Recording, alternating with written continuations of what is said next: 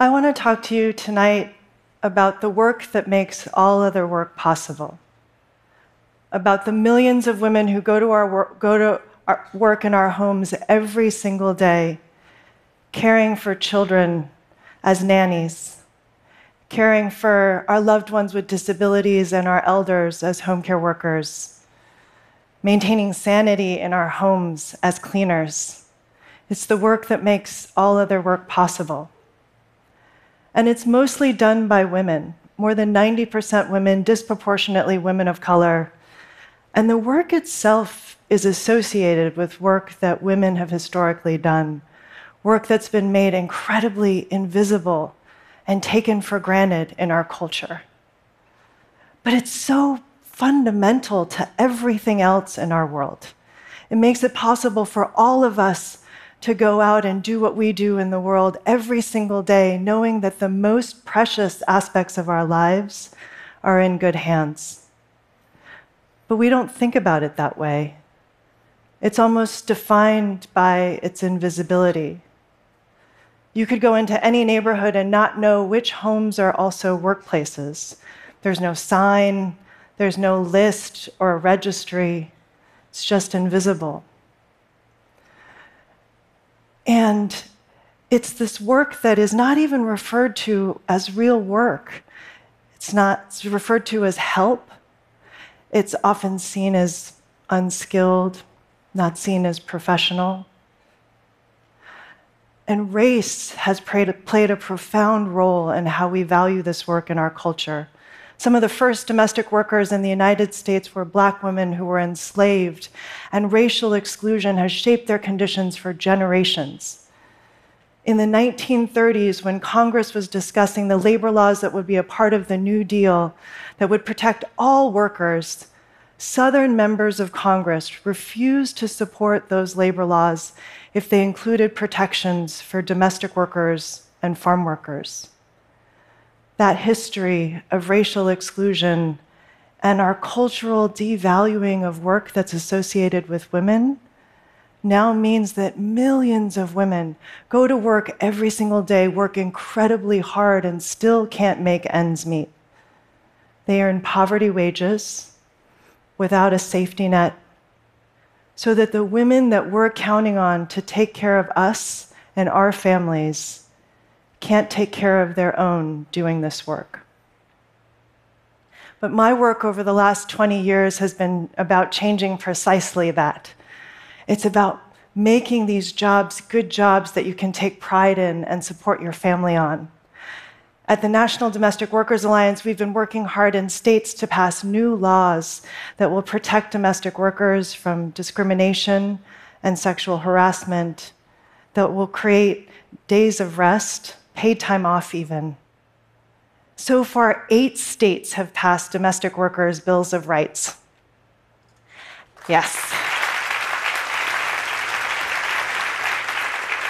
And during the Obama administration, we were successful in bringing 2 million home care workers under minimum wage and overtime protections for the first time since 1937.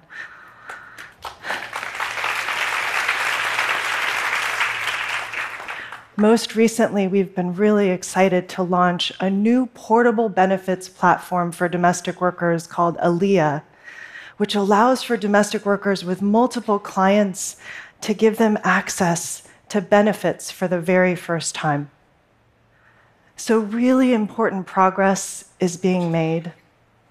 But I would argue tonight that one of the most important things that domestic workers can provide is actually what they can teach us about humanity itself and about what it will take to create a more humane world for our children in the face of extreme immorality, domestic workers can be our moral compass. And it makes sense because what they do is so fundamental to the very basics of human need and humanity. They are there when we are born into this world. They shape who we become in this world. And they are with us as we prepare to leave this world. And their experiences with families are so varied.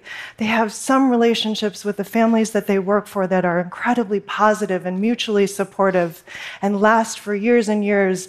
And then the opposite also happens. And we've seen cases of sexual violence and assault, of extreme forms of abuse and exploitation. We've seen cases of human trafficking domestic workers live in poor neighborhoods and then they go to work in very wealthy ones.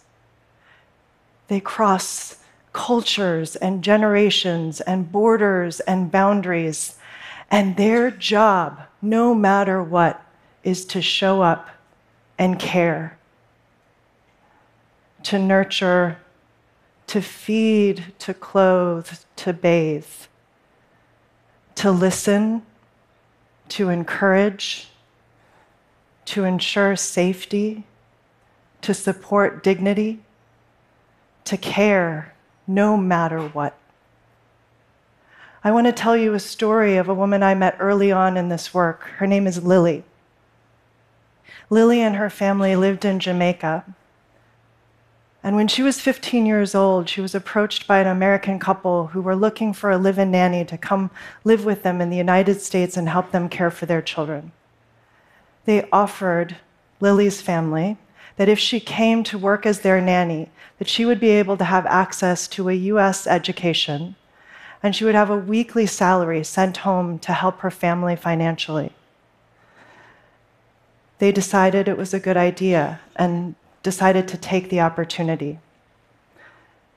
Lily held up her end of the bargain and helped to raise three children. But all communication with her family was severed no letters, no phone calls. She was never allowed to go to school, and she was never paid for 15 years. One day, she saw an article in a newspaper about another domestic worker with a really similar story to hers, another case that I was working on at the time, and she found a way to reach me. She also found a way to reach her brother, who was living in the United States at the time as well. And between the two of us, we were able to help her escape. And she had the help of one of the children. One of the children was old enough to realize that the way his nanny was being treated was wrong. And he gave her the money that he had been saving through his childhood to help her escape. But here's the thing about this story she was essentially enslaved for 15 years. Human trafficking and slavery is a criminal offense. And so her lawyers and I asked Lily did she want to press criminal charges for what had happened to her? And after thinking about what it would mean, she said no, because she didn't want the children to be separated from their parents. We, instead, we filed a civil lawsuit and we eventually won the case. And her case became a rallying cry for domestic workers everywhere. She was reunited with her family and went on to have a family of her own. But the thing that's so profound to me about this story is despite having 15 years stolen from her life, it did not affect the care and compassion that she felt for the children. And I see this from domestic workers all the time in the face of indignities and our failure to respect and value this work in our culture. They still show up and they care they're simply too proximate to our shared humanity. They know how your toddler likes to be held as they take their bottle before a nap. They know how your mother likes her tea, how to make her smile and tell stories despite her dementia.